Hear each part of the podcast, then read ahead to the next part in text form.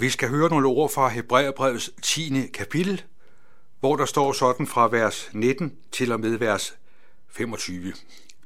Brødre, ved Jesu blod har vi altså fået frimodighed til at gå ind i helligdommen af en ny levende vej, som han, som han har åbnet for os gennem, det som har åbnet for os gennem forhænget, det vil sige sit jordiske lægeme, og vi har i ham en stor præst over Guds hus. Lad os derfor træde frem med oprigtigt hjerte, i en fast tro og bestænket på hjertet, så vi er befriet fra en ond samvittighed og med læme badet i rent vand. Lad os holde urokkeligt fast bekendelsen af vort håb, for han, som gav os løftet, er trofast. Lad os give agt på hinanden, så vi tilskynder til kærlighed og gode gerninger. Og lad os ikke svigte på egen øh, forsamling, som nogle har for skik, men formane hinanden så meget mere, som vi ser, at dagen nærmer sig. Det, der er den fantastiske udgangspunkt, det er, at vi mennesker igennem Jesus, igennem hans lidelse og død, har fået en ny vej til Gud. Og vi hører, at denne vej, det er en levende vej. Og denne vej har han åbnet. Og det betyder, at nu er der ikke længere et forhæng, som der var på den gamle pagtid. Der handlede det om, at der skulle tilvejebringes offer. De blev gentaget igen og igen. De var ikke tilstrækkelige og fuldkommen. Og derfor er det fantastisk godt at finde hvile i, at vi gennem Jesu lidelse og død har fået det offer, og gennem ham har fået den vej, der gør, at vi får lov til at leve over for Gud i stor frimodighed.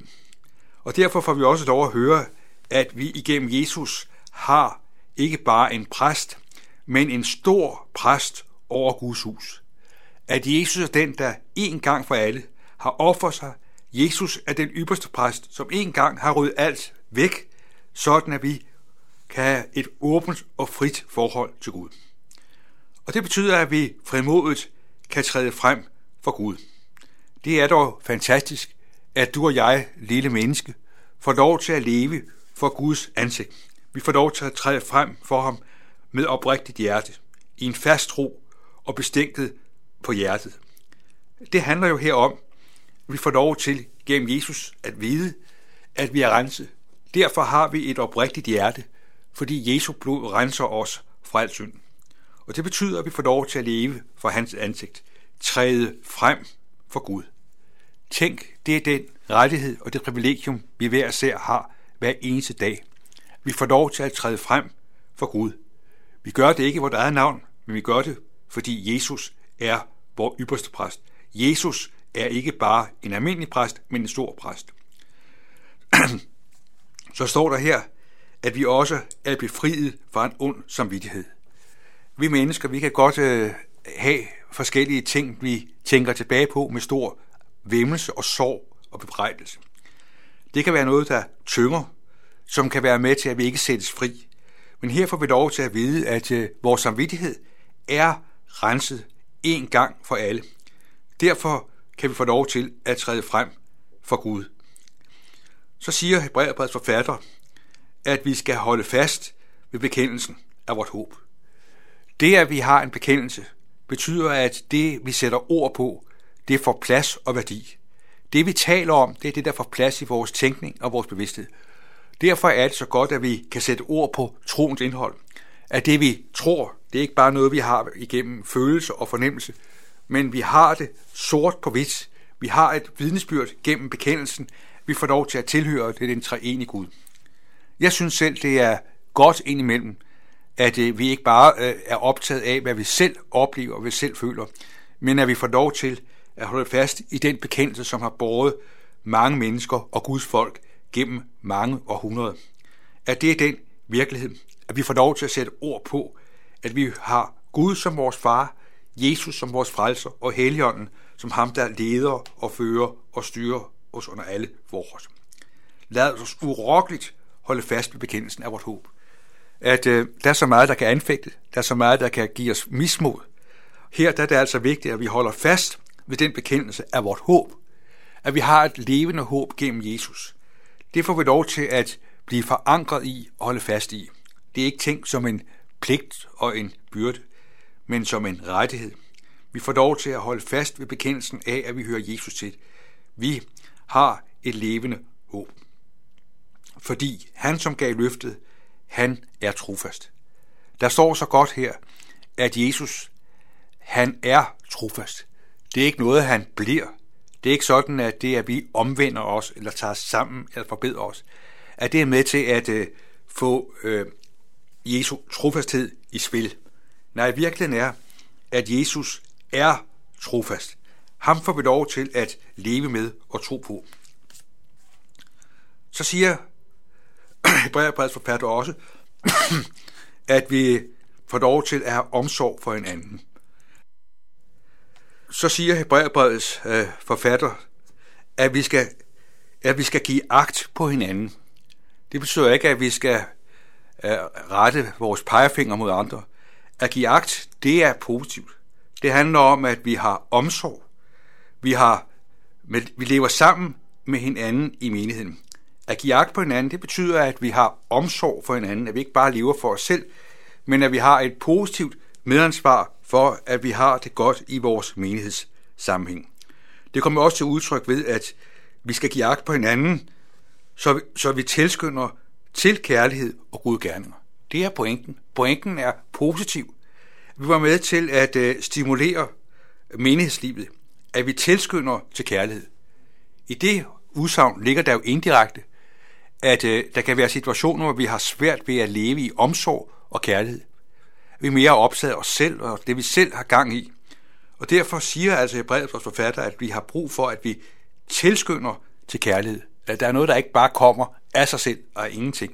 Men det, at vi til stadighed er forankret i Jesus. Det, han har gjort for os.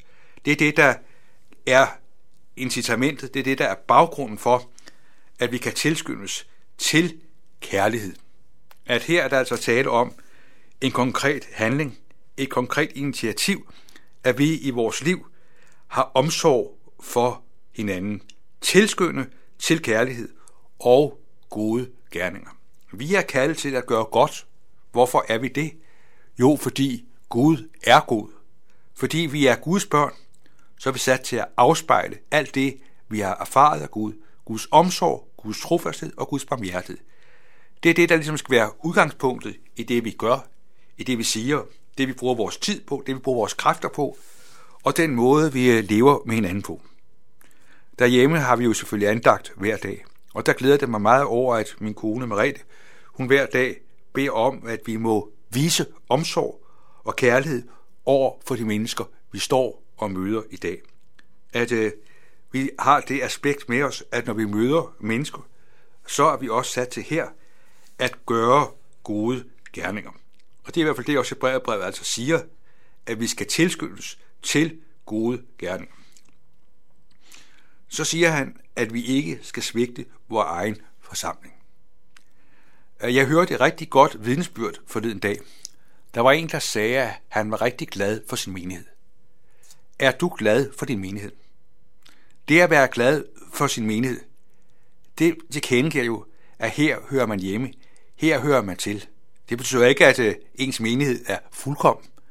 Der er både det ene og det andet, der kunne være anderledes. Der er sikkert også noget, der kunne være bedre. Der kan også godt være noget, vi slås med og kæmper med på den ene og den anden måde.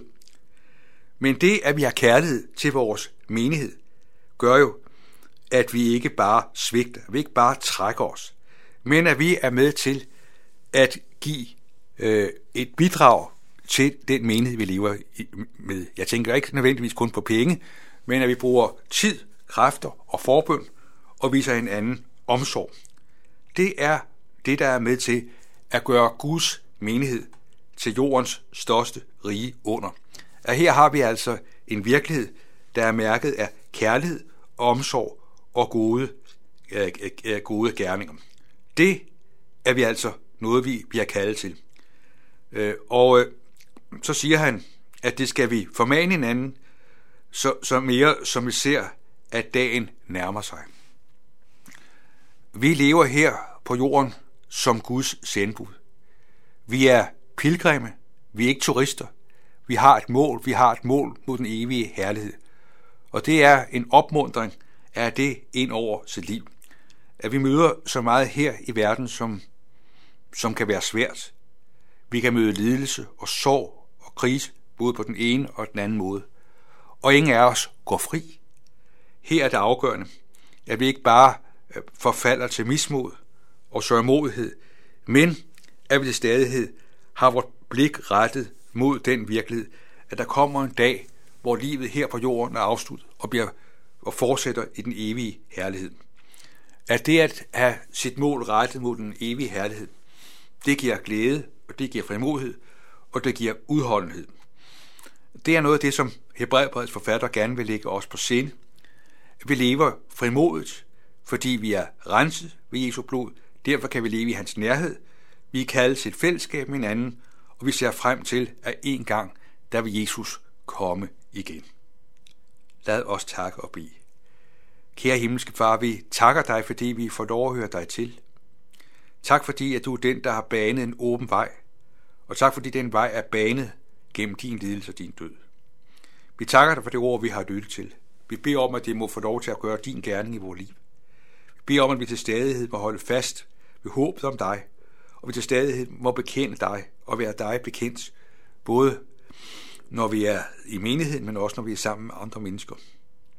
Og så beder vi om, at du må give os en naturlig omsorg for hinanden, så det tilskynder til kærlighed og gode gerninger.